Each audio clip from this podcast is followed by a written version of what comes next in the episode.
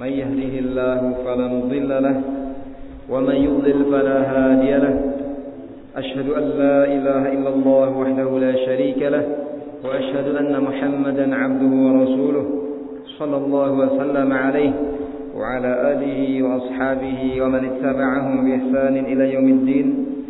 قال الله تعالى يا أيها الذين آمنوا اتقوا الله حق تقاته ولا تموتن إلا وأنتم مسلمون. وقال تعالى يا أيها الناس اتقوا ربكم الذي خلقكم من نفس واحدة وخلق منها زوجها وبث منهما رجالا كثيرا ونساء واتقوا الله الذي تساءلون به والأرحام إن الله كان عليكم رقيبا.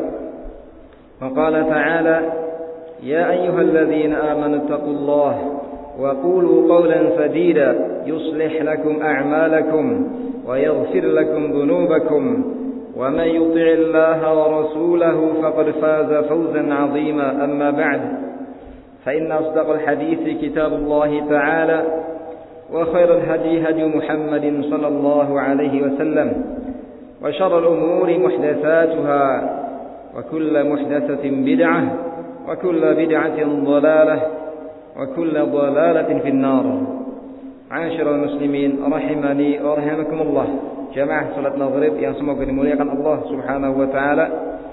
Saya kita lanjutkan membaca kitab Ad-Da wa Dawa lil Imam Ibnu Al-Qayyim rahmatullahi taala alaih. Fasal berikutnya masih terkait dengan fasal sebelumnya. Ya. Kata beliau atau mungkin di sini judulnya ditambahkan oleh e, percetakannya. Ya.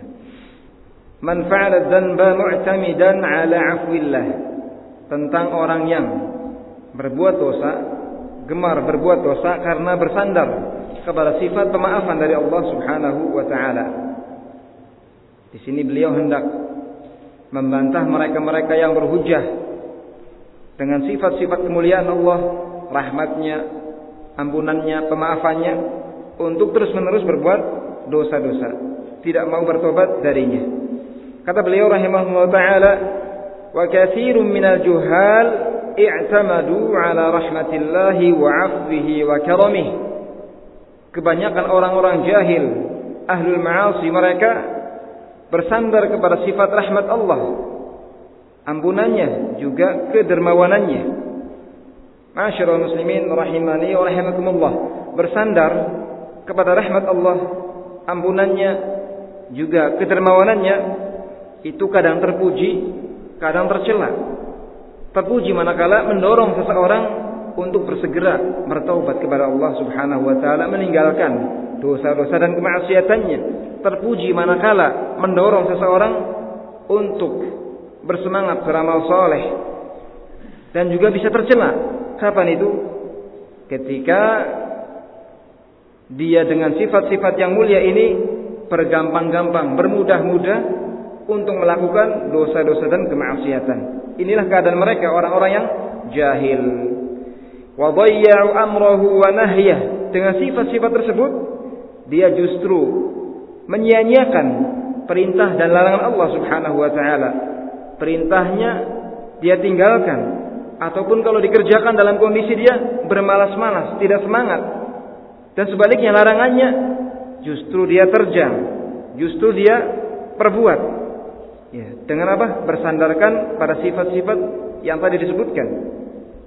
Wa nasu annahu syadidul iqab dan dia lupa bahwasanya Allah Subhanahu wa taala sangat keras siksaannya atau mungkin berpura-pura lupa.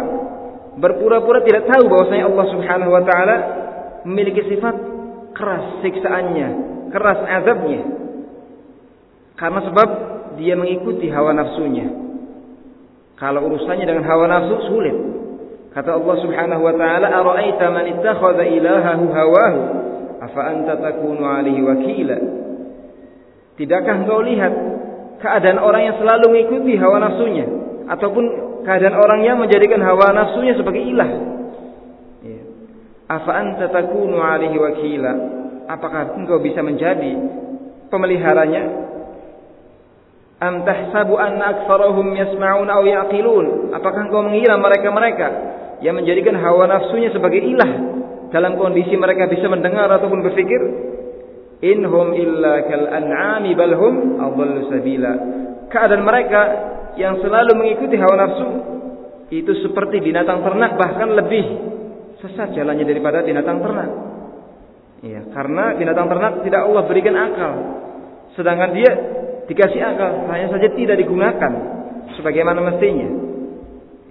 Wa annahu la yuraddu ba'suhu 'anil qaumil mujrimin dan dia juga melupakan bahwasanya Allah Subhanahu wa taala azabnya tidak bisa terelakkan, tidak bisa ditolak dari kaum yang mujrim. Ini diambil dari firman Allah Subhanahu wa taala, "Wa la yuraddu ba'suna 'anil qaumil mujrimin." Azab kami kata Allah Subhanahu wa taala tidak bisa dielakkan dari orang-orang yang suka berbuat dosa-dosa dan kemaksiatan. Ya. Wa man i'tamada 'ala al-'afwi ma'al israr 'ala adh-dhanbi fahuwa kal mu'anid. Siapa yang dia bergantung dan bersandar kepada sifat pemaafan Allah Subhanahu wa taala dalam kondisi dia terus-menerus berbuat dosa-dosa fahuwa kal mu'anid. Maka dia adalah seperti seorang penentang. Naudzubillah. Allah Subhanahu wa taala menyebutkan di dalam surat Al Imran tentang sifat mereka ahlul jannah di antaranya. Kata Allah Subhanahu wa taala walladzina idza fa'alu fahishatan aw zalamu anfusahum dzakarullaha fastaghfaru wastaghfaru lidzunubihim wa may yaghfiru dzunuba illa Allah wa lam yusirru ala ma fa'alu Perhatikan baik-baik sifat ahlul jannah yang Allah janjikan untuk mereka surga. Yaitu mereka-mereka yang kalau berbuat dosa-dosa dan kemaksiatan atau menzalimi diri-diri mereka sendiri, mereka pun ingat kepada Allah, kemudian meminta ampun kepada Allah akan dosa-dosa mereka. Kata Allah, siapakah yang bisa mengampuni dosa-dosa selain Allah? Lihat sifatnya walam yusirru ala ma fa'alu. Dan mereka sifatnya tidak terus-menerus berbuat dosa. Ketika terjatuh ke dalam satu dosa langsung dia bertaubat kepada Allah, beristighfar kepadanya, terjatuh lagi bertaubat lagi, beristighfar lagi dan seterusnya. Dan sebaliknya ahlun nar yang Allah adab, yang Allah siksa, itu di antara sifatnya adalah terus-menerus berbuat dosa-dosa. Sebagaimana yang Allah sebutkan di dalam surat Al-Waqiah ketika Allah mensifati tentang, tentang ashabul masyamah, golongan kiri. Kata Allah Subhanahu wa taala, "Wa kanu yusirruna 'alal hintil 'azim." Dan mereka di dunia terus-menerus berbuat dosa-dosa besar, tidak mau bertaubat darinya. Sehingga ini sebagai bantahan bagi mereka-mereka yang gampang-gampang berbuat dosa karena bersandarkan kepada sifat maafan Allah Subhanahu wa taala, sifat rahmat Allah Subhanahu wa taala. Kata ulama bahwasanya kata mereka al-ma'asi baridul kufri. Kemaksiatan-kemaksiatan itu merupakan perantara yang bisa menjatuhkan seseorang ke dalam dosa ataupun perbuatan kufur. Sehingga janganlah seseorang bergampang-gampang sampai pun kemaksiatan yang kecil. Jangan dia remehkan itu. Ya. Kata mereka as-saghirah tajuru lil kabirah. Dosa-dosa kecil bisa menyeret kepada dosa-dosa besar. Wahia dan dia dosa-dosa besar tajurul kufri bisa menyeret kepada kekufuran sehingga kita sebagai makhluk yang tidak bisa lepas dari dosa-dosa dan maksiat hendaknya kita berupaya yang pertama untuk menjaga diri kita dari dosa-dosa. Kalau terjatuh segeralah kita bersih bersihkan dengan apa? Taubat istighfar. Dan kita tutupi dengan amalun saleh demikian kata Nabi sallallahu alaihi wasallam wa asbi'is sayyi'atal hasanah. Iringilah kejelekan dengan kebaikan. Tamsuha niscaya kebaikan tadi bisa menghapuskan kejelekan-kejelekan. Kemudian kata beliau rahimahullah taala wa qala ba'dul ulama man qata'a 'udwan minka fid dunya bi sariqati thalathati dirahim la ta'man an takuna 'uqubatuhu fil akhirati 'ala nahwin min hadha. Ini juga sebagai ancaman bagi mereka-mereka yang bergampang-gampang berbuat dosa mengenteng-entengnya dosa. Kata sebagian ulama, zat yang memutus atau memotong bagian tubuhmu, yaitu tanganmu, di dunia ini karena sebab mencuri, sebesar minimal tiga dirham dalam riwayat yang lain seperempat dinar ya mungkin sekitar 300 ribu atau lebih. Janganlah kamu merasa aman ya untuk kamu dihukum di akhirat dengan yang semisal ini. Yang dia curi tidak seberapa 300 ribu atau 500 ribu. Tapi lihat hukumannya di dunia. Potong tangan kita tahu ya bagaimana besarnya harga tangan? Tidak ada seorang pun dari kita yang mau menjual tangannya dengan harga yang berapapun. Iya kan? Ini Allah tetapkan hukuman ini karena sebab perbuatan dosa mencuri. Dan itu termasuk mencuri termasuk kabiratul dzunub atau kabairul dzunub. Ya, kalau ini saja ditetapkan hukumannya begitu berat di dunia, maka jangan kamu merasa enteng, merasa aman kalau kamu dihukum di akhirat dengan yang semisal ini ataupun lebih berat dari ini. Dan juga Allah tetapkan karena sebab orang meneteskan air mani bukan pada tempatnya berzina dengan apa? Cambuk kalau belum menikah. Dengan apa? Rajam kalau sudah menikah. Lihat. Beberapa tetes mani yang dia keluarkan. Bukan pada tempatnya. Alias berzina. Allah tetapkan azabnya begitu berat. Di dunia. Apalagi di akhirat.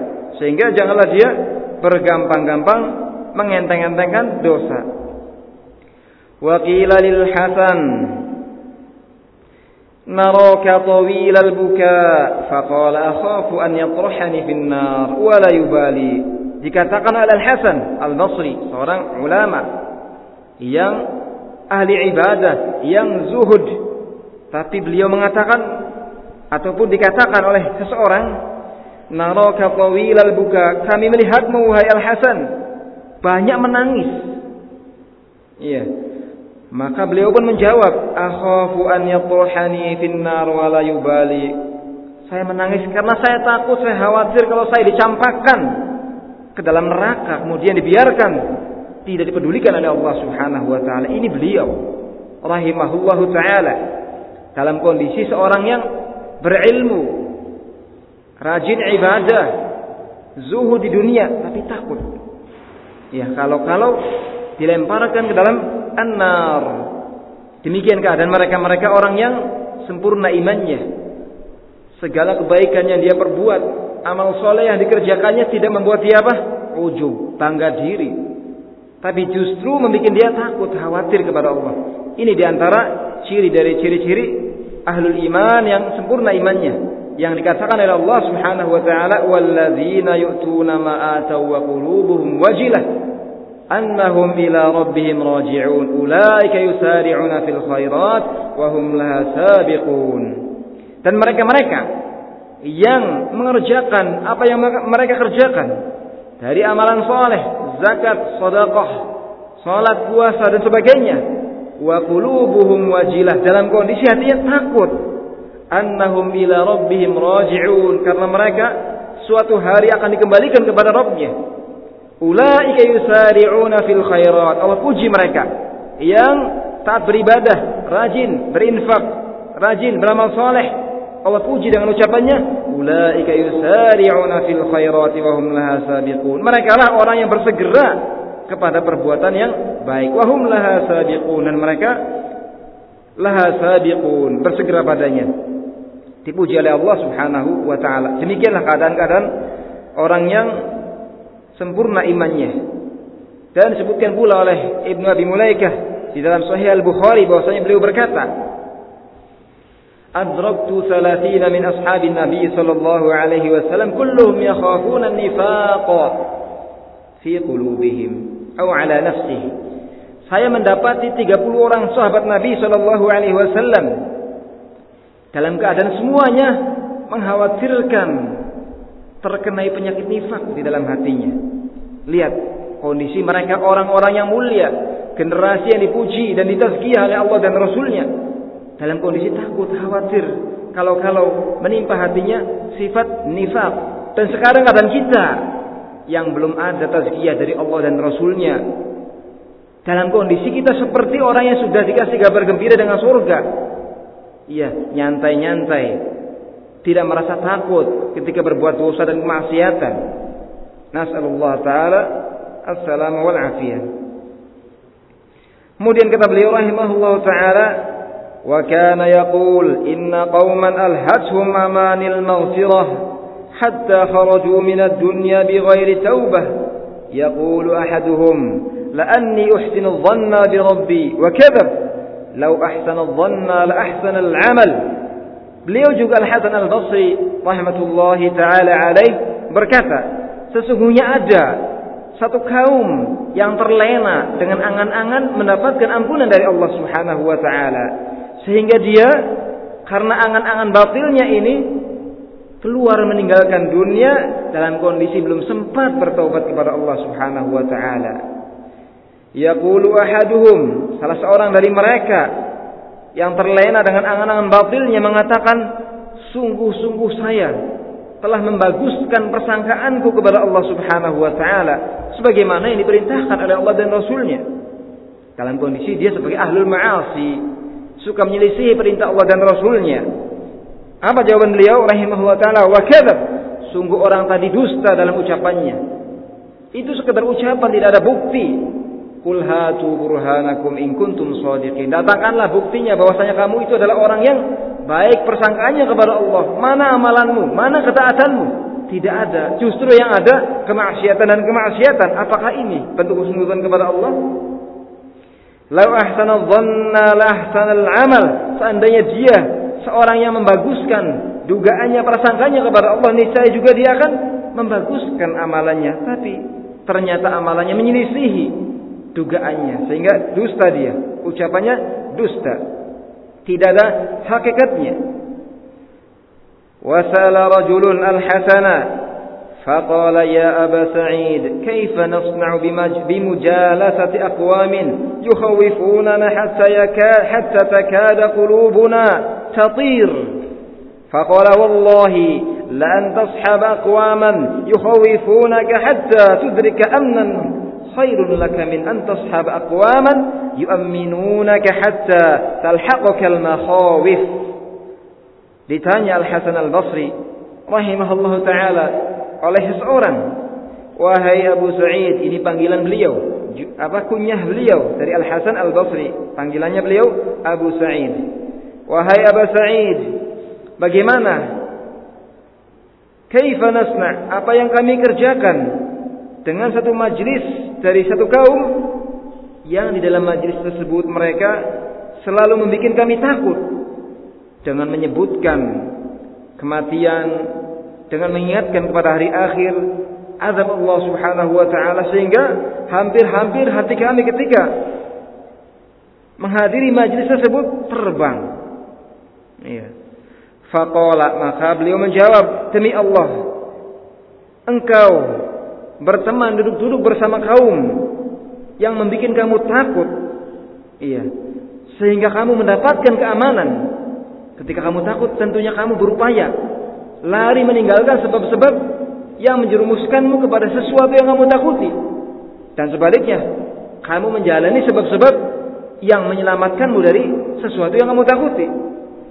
Kalau kamu duduk-duduk bersama mereka orang-orang yang menakut-nakuti kamu dengan an-nar, dengan murka Allah, dengan azab kubur, sehingga atau sehingga kamu mendapatkan keamanan itu jauh lebih baik daripada kalau kamu bergaul duduk-duduk bersama kaum yang selalu memberikan kamu keamanan, tenang. Ya, kamu insya Allah dosanya akan diampuni, tenang. Kamu nanti juga insya Allah masuk surga. Kamu kan Muslim, iya. Ini kamu duduk-duduk bersama mereka yang selalu menakut-nakuti kamu sehingga kamu mendapatkan keamanan lebih baik daripada kalau kamu duduk-duduk berkumpul bersama satu kaum yang selalu memberikan kamu keamanan. Sehingga pada akhirnya kamu tertimpa sesuatu yang kamu takuti. Karena kamu merasa aman. Sehingga kamu tidak apa? Sigap, bersegera. Untuk apa? Menjalani sebab-sebab yang menyelamatkan. Kata Allah subhanahu wa ta'ala. Afa aminu makrallah. Fala ya'manu makrallah illa al-qawmul khasirun. Apakah mereka merasa aman dari makar Allah? Tipu daya Allah subhanahu wa ta'ala. Tidak ada yang merasa aman dari makar Allah. Kecuali orang-orang yang merugi.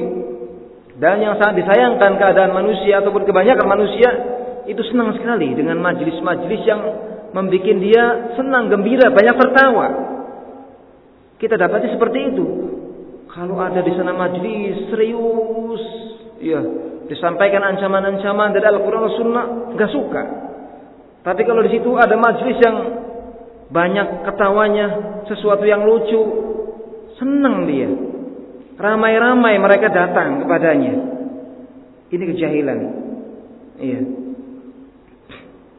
Padahal Allah Subhanahu wa taala ataupun Rasul sallallahu alaihi wasallam mengancam ya mereka-mereka yang berdusta dalam rangka membuat tertawa manusia. Dan yang seperti ini dilakukan oleh mereka para dai-dai yang tidak terbimbing. Untuk apa? Menarik mad'unya manusia. Rasul mengancam mereka wailullah wailullah wailullah alladzi yakdzib liyudhikan nas. Celaka dia celaka dia celaka dia. Siapa? Yang dia berbuat dusta agar manusia tertawa. Ini tidak segan-segan mereka perbuat. Untuk apa? mendatangkan manusia ataupun untuk menarik perhatian manusia sehingga manusia berbondong-bondong menghadiri majelis ilmunya katanya. Kemudian rahimahullah Al-Imam Ibnu Al-Qayyim rahimahullah taala mengatakan wa qad sabata fi sahihaini min hadis Usamah ibn Zaid qala sami'tu Rasulullah sallallahu alaihi wasallam yaqul يجاء بالرجل يوم القيامة فيلقى في النار فتندلق فتندلق أقتاب بطنه فيدور في النار كما يدور الحمار برحاه فيطوف به أهل النار فيقولون يا فلان ما أصابك؟ ألم تكن تأمرنا بالمعروف وتنهانا عن المنكر؟ فيقول كنت آمرك بالمعروف ولآتيه wa anhaakum 'anil munkar wa ati. Ini juga ancaman berikutnya. Ya, yang beliau bawakan. Jadi beliau di sini mulai mendatangkan nas-nas dalil-dalil yang berisi ancaman kepada mereka ahlul kabair. Tujuannya adalah mengobati mereka-mereka yang terkena penyakit, gampang-gampang berbuat dosa karena bersandar kepada perkara-perkara yang tersebut di atas. Bersandar kepada sifat rahmat Allah, ampunan Allah, kasih sayang Allah, Beliau hendak mengobati dengan mengimbanginya dengan apa? Menyebutkan nas-nas yang berisi takhwif, sesuatu yang menakut menakut-nakuti. Demikian seharusnya seseorang berjalan di muka bumi ini di dalam di dalam ibadahnya seharusnya dia mengumpulkan antara ar-raja dengan apa? al-khauf harapan dan rasa takut rasa takutnya akan mencegah dia dari kemaksiatan dari bergampang-gampang berbuat dosa dan harapannya yang kuat kepada Allah akan mendorong dia untuk sungguh-sungguh serius beramal soleh kalau hanya satu saja yang dia utamakan kemudian dia tinggalkan yang lain seperti kalau dia kedepankan rasa khauf, maka akhirnya dia terjatuh kepada al-ya'su atau al-qunut min rahmatillah. Menjatuhkan pelakunya kepada putus asa dari rahmat Allah. Kalau dia apa? Hanya mengambil ayat-ayat yang berisi takhwif, sesuatu yang menakut-nakuti.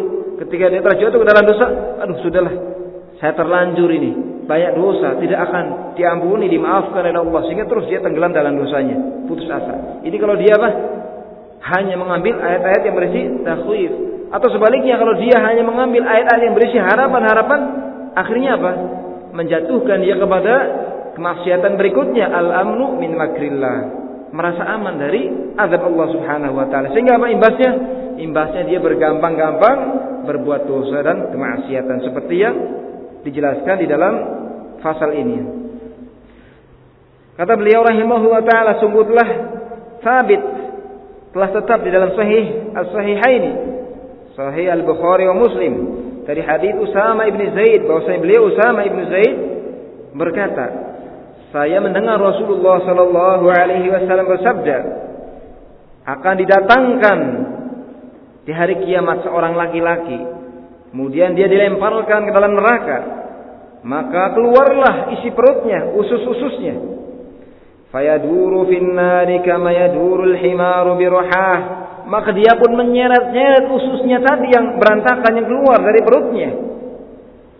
Seperti keledai yang berputar mengeliling, mengelilingi apa alat putar yang digunakan untuk menggiling gandum dan semisalnya Fayatufu bihi ahlun nar. Kemudian ahlun nar mereka pun mendatanginya, berkeliling melihatnya.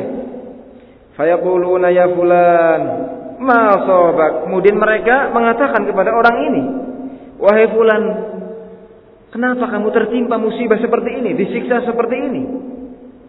Ma sobak, apa yang menimpamu? Bukankah kamu dulu di dunia termasuk orang yang rajin beramar ma'ruf dan nahi mungkar? Selalu mengajak manusia kepada ketaatan-ketaatan, kebaikan-kebaikan dan selalu mengajak mereka ataupun melarang mereka dari dosa-dosa dan kemaksiatan. Harusnya kamu berada di surga di tempat yang tinggi. Tapi mengapa justru kamu dihinakan seperti ini? Disiksa, diadab dengan adab yang begitu pedih.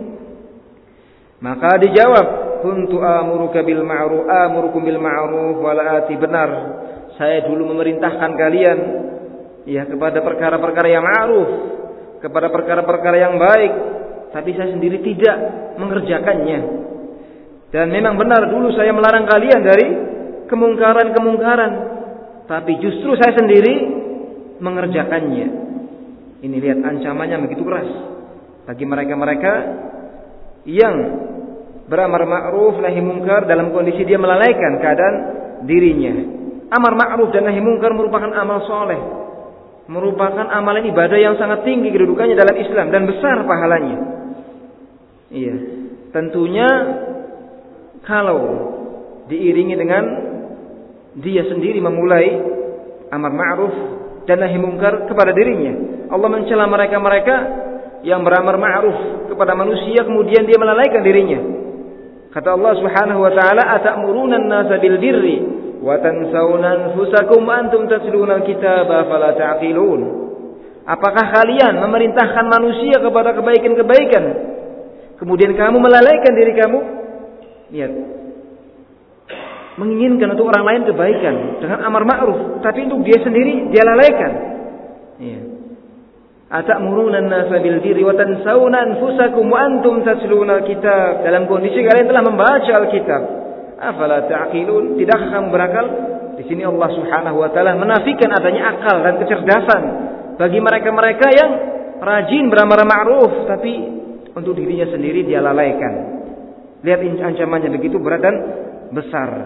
Dan di sini ya tidak ada dalil untuk kita apa? Meninggalkan apa? amar ma'ruf karena sebab kita sendiri kadang berbuat dosa ataupun kadang meninggalkan perintah. Jadi yang dianggap adalah keadaan umumnya ataupun keumuman keadaan dia. Kalau dia adalah seorang yang secara umum, masya Allah mengerjakan kewajiban-kewajiban dari Allah dan meninggalkan larangan-larangan Allah sudah cukup.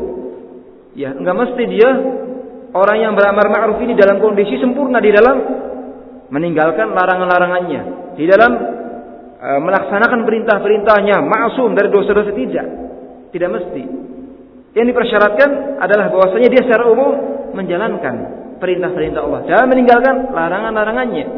Kalau seandainya dipersyaratkan bagi seorang yang beramar ma'ruf dan nahi mungkar untuk dia mengerjakan segala perintah-perintah Allah dan Rasulnya dan meninggalkan semua larangan-larangannya maka tidak ada seorang pun yang bisa beramar ma'ruf selain Nabi Dikatakan oleh Imam Malik rahmatullahi taala alaih, "In lam ya'mur bil ma'ruf wa yanha 'anil munkar illa man ata bih." Atau atau kata beliau, "In lam yam in lam ya'mur bil ma'ruf illa man ata bih wa lam yanha 'anil munkar illa man intaha 'an." Lam tajid amiran nahiyan. Seandainya saja dipersyaratkan agar tidak beram, agar tidak memerintahkan kepada kebaikan kecuali orang yang mengerjakan kebaikan, dan tidak melarang dari kejelekan kecuali orang yang meninggalkan semua kejelekan, niscaya kamu tidak akan mendapati orang yang bisa beramar ma'ruf. Ya. Sehingga yang dicela di sini adalah mereka yang sama sekali tidak mau mengerjakan apa yang dia perintahkan dan tidak mau meninggalkan apa yang dia larang. Adapun mereka yang secara umum mengerjakan perintah-perintah Allah Subhanahu wa taala dan meninggalkan larangan-larangan Allah Subhanahu wa taala, kemudian ada saja kekurangan yang ada padanya, maka yang seperti ini insya Allah tidak masuk pada yang diancamkan di dalam hadis ini ataupun yang semisalnya. Wa dzakara al-Imam Ahmad min hadits Abi Rafi' qala marra marra Rasulullah sallallahu alaihi wasallam bil Baqi' فقال أف لك أف لك فظننت أنه يريدني فقال لا ولكن هذا قبر فلان بعثته ساعيا إلى آل فلان فغل نمرة فدرع الآن مثلها من نار disebutkan oleh Imam Ahmad di dalam hadis Abi Rafi' bekas budak Rasulullah sallallahu alaihi wasallam. Kata beliau, suatu hari Rasulullah sallallahu alaihi wasallam melewati satu pekuburan. Kemudian tiba-tiba beliau mengucapkan, "Cis, kasihan kamu." Iya. Saya kira beliau menunjukkan ucapannya kepadaku karena tidak ada orang lain selainku. Maka kata beliau Rasul Shallallahu Alaihi Wasallam, bukan kamu yang saya tuju, bukan kamu yang saya maksud dengan ucapanku ini. Walakin hadza qabru fulanin, hanya saja ini kuburannya si fulan. Dulu saya pernah mengutus dia untuk mengambil zakat. Faholla namirah, maka dia pun ternyata mencuri namirah pakaian yang tidak seberapa nilainya harganya Fadurri al-ana. Dan sekarang dia sedang dikenakan pakaian yang semisalnya dari an-nar. Lihat. Ini mengambil pakaian yang nilainya harganya tidak seberapa, tapi azabnya begitu keras, begitu berat. Apakah mereka-mereka ahlul kabair, ahlul dulu merasa aman? Lihat ini. Ya, seseorang yang dia berbuat ya mencuri, ya namirah yang karena sebabnya dia dimasukkan ke dalam an-nar. Ya, hadis ini dihasankan oleh Syekh Al-Albani rahimahullah taala. Wa fi musnadihi aidan min hadis Anas bin Malik qala qala Rasulullah sallallahu alaihi wasallam marartu ليلة usriya bi على قوم تقرض شفا shifahuhum بمقاريض bimaqarida من النار من nar فقلت من هؤلاء؟ قالوا khutabaun من أمتك من أهل الدنيا. كانوا ya'muruna an-nasa وينسون أنفسهم. wa yansawna juga tersebut dalam Muslim Imam Ahmad. Dari hadis Anas bin Malik kata Anas bin Malik Rasulullah sallallahu alaihi wasallam bersabda saya di malam Isra melewati satu kaum yang tuqrabu shifahuhum bibir mereka dipotong-potong dengan alat potong dari an-nar. Kemudian saya pun bertanya kepada Jibril, "Man haula? Siapakah mereka itu yang diazab dengan azab yang begitu mengerikan? Dipotong-potong bibirnya, tumbuh lagi dipotong lagi, tumbuh lagi dipotong lagi." Maka dijawab, "Qalu khutaba'un min ummatik." Mereka adalah para ahli ceramah, para khotib-khotib dari umatmu, dari penduduk dunia. Dulu mereka di dunia rajin memerintahkan manusia kepada kebaikan, tapi mereka melalaikan diri mereka sendiri. Dia sendiri meninggalkan kebaikan-kebaikan, justru dia melakukan dosa-dosa dan kemaksiatan. Afala yaqilun? Apakah mereka orang yang berakal? Tidak. Ya di sini Allah Subhanahu wa taala mencerca mereka karena mereka tidak menggunakan akalnya. Seandainya dia menggunakan akalnya tentunya dia sebelum memerintahkan kepada orang lain ya karena ini kebaikan tentu dia akan berupaya menerapkan untuk dia sendiri. Iya. Karena sebab mereka dia ataupun mereka tidak menggunakan akalnya maka Allah Subhanahu wa taala siksa mereka di dalam uh, surat Al-Mulk Allah Subhanahu wa taala berfirman tentang penyesalan ahlun nar itu karena sebab tidak menggunakan akalnya sebagaimana mestinya. Kata mereka, "Wa qalu law kunna nasma'u aw naqilu ma kunna min ashabis sa'ir." Mereka ahlun nar mengatakan, "Duhai kiranya dulu kami mau mendengar dan mau menggunakan akal kami, ma kunna min ashabis sa'ir." Tentu kami tidak akan menjadi penduduk neraka sa'ir. Sehingga gunakanlah akal kita yang merupakan karunia terbesar yang Allah berikan kepada kita. Iya. Pada ataupun untuk memahami agama ini. Ya, memahami segala apa yang diturunkan oleh Allah Subhanahu wa taala kepada rasulnya, Alkitab wa sunnah. Jangan kita Sia-siakan akal ini yang merupakan karunia yang terbesar yang Allah berikan kepada kita. Yang merupakan sebab terbesar untuk kita mendapatkan kebaikan dan keselamatan dunia dan akhirat. Wa fihi min hadithi qal qala Rasulullah sallallahu alaihi wasallam. Hadis tadi ada khilaf yang antara ulama dan di sini Syekh Al-Albani rahimahullah taala mensahihkannya. وفي أيضا من حديثه قال قال رسول الله صلى الله عليه وسلم لما عرج بي مررت بقوم لهم أظفار من نحاس يخمشون بها يخمشون بها وجوههم وصدورهم. فقلت من هؤلاء يا جبريل؟ فقال هؤلاء الذين يأكلون لحوم الناس. wayaqa'una fi a'radihim. Kemudian ancaman berikutnya bagi para pelaku dosa-dosa, khususnya dosa-dosa besar yang mereka merasa aman darinya. Di dalam Musnad Imam Ahmad juga disebutkan dari hadis Anas bin Malik bahwasanya Rasulullah sallallahu alaihi wasallam pernah bersabda, "Ketika aku diangkat oleh Allah Subhanahu wa taala Isra Mi'raj, aku pun melalui satu kaum yang mereka memiliki kuku-kuku dari tembaga yang panjang-panjang dan tajam.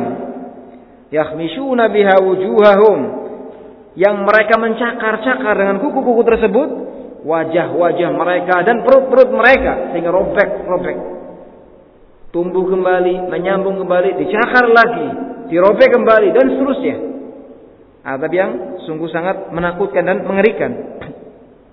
Fakultu maka saya pun bertanya kepada Jibril, siapakah gerangan mereka wahai Jibril? yang disiksa dengan siksaan yang begitu menakutkan dan mengerikan. Dia ataupun mereka mencakar-cakar wajah mereka dan dada-dada mereka sendiri dengan kuku-kuku yang tajam tersebut.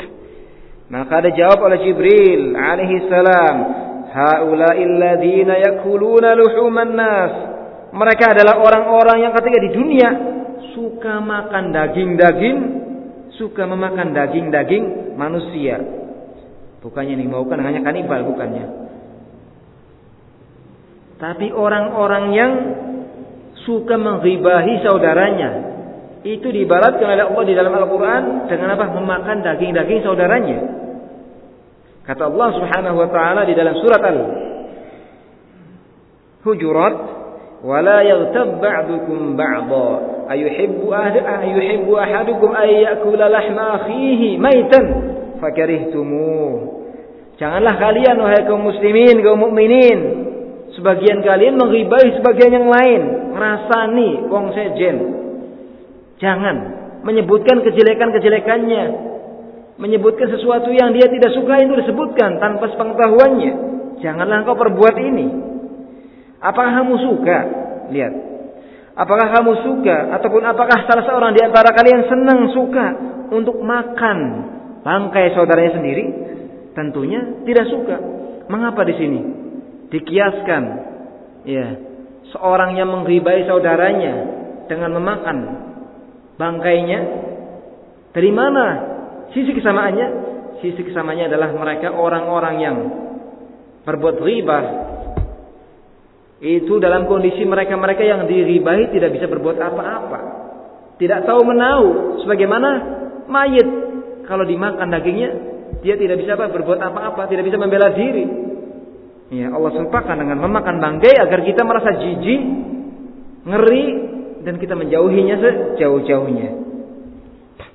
Wa yaqa'una fi a'radihim dan suka menjatuhkan kehormatan-kehormatan mereka saudaranya sehingga balasannya dia sendiri mencakar-cakar wajahnya, mencakar-cakar apa? dadanya. Iya. Dan menjatuhkan kehormatan mereka, menghibahi mereka sama dengan menjatuhkan kehormatan dia sendiri. Sama dengan menghibahi dia sendiri karena kata Rasul sallallahu alaihi wasallam mu'min ta'atufihim kal jasadil wahid idza syaka minhu 'udwun tada'a lahu sairul jasadi bis sahri wal huma. Permisalan seorang mukmin, seorang muslim yang satu dengan yang lainnya seperti satu jasad Iya.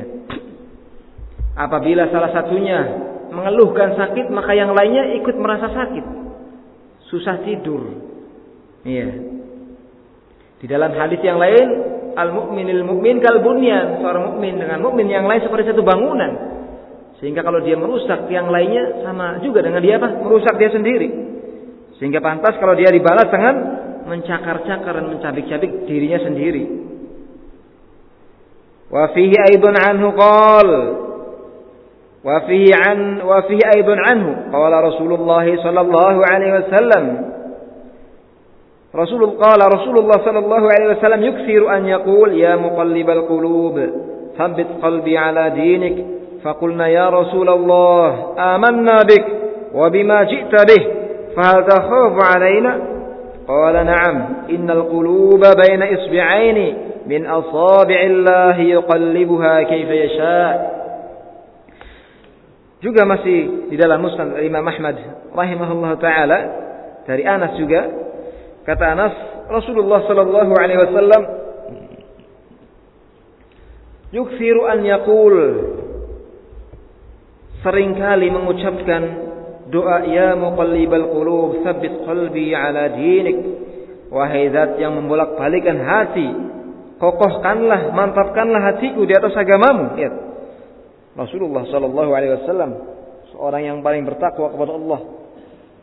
Seorang yang paling kuat imannya kepada Allah pimpinannya ya orang-orang yang bertakwa selalu beliau memanjatkan doa ini tidak merasa aman beliau dari penyimpangan.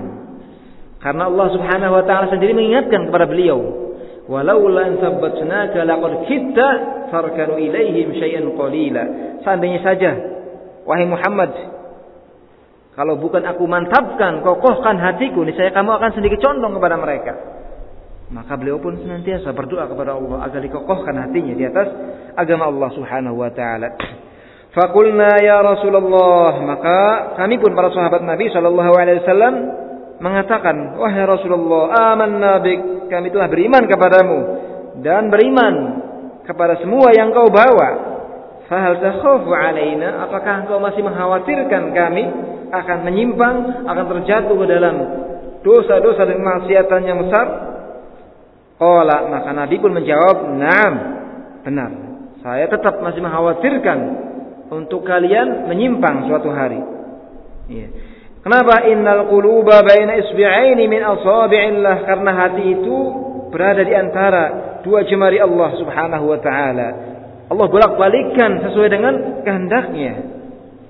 Ya. Sehingga kalau nabi saja, juga para sahabat saja, orang-orang yang mulia dan utama, ya, yang ahli ibadah, ya, Orang yang paling bertakwa kepada Allah dalam kondisi takut menyimpang. Takut disesatkan oleh Allah Subhanahu wa taala. Lantas bagaimana dengan kita? Lantas bagaimana keadaannya dengan ahlul ma'asi? Wa fihi aidha. Satu hadis lagi kita baca. Wa fi aidha anhu anna Rasulullah sallallahu alaihi wasallam qala li Jibril, "Ma li lam ara Mikaila dhahikan qad Qala ma dhahika mundu khuriqatin nar. Tersebut dalam Musnad Imam Ahmad juga dari Anas bin Malik radhiyallahu taala anhu bahwasanya Rasulullah sallallahu alaihi wasallam berkata kepada Jibril, "Mengapa saya belum pernah melihat Mikail, malaikat yang ditugasi oleh Allah Subhanahu wa taala untuk menurunkan hujan?" Kata Rasul sallallahu alaihi wasallam kepada Jibril, "Mengapa saya belum pernah melihat Mikail tertawa sama sekali?" Iya, belum pernah tertawa. Iya. Qala maka dijawab oleh Jibril alaihissalam, "Ma dhahika mundu khuliqatin nar." Beliau belum pernah tertawa semenjak diciptakannya an-nar. Saking dahsyatnya, saking ngerinya. Apakah mereka ahlul ma'asi wal dzunub merasa aman? Ya, tertawa, ya berbuat dosa. Ya. Nas'alullah taala salamah wal afiyah. Semoga Allah Subhanahu wa taala memperbaiki hati-hati kita dan amalan kita dan menjadikan apa yang kita ketahui sebagai hujah untuk membela kita, bukan sebagai hujah untuk menyalahkan kita. Subhanakallahumma bihamdik asyhadu an la ilaha illa anta astaghfiruka wa atubu ilaik wa sallallahu wasallam ala nabiyyina Muhammadin wa ala alihi wa ashabihi ajma'in. Wassalamu alaikum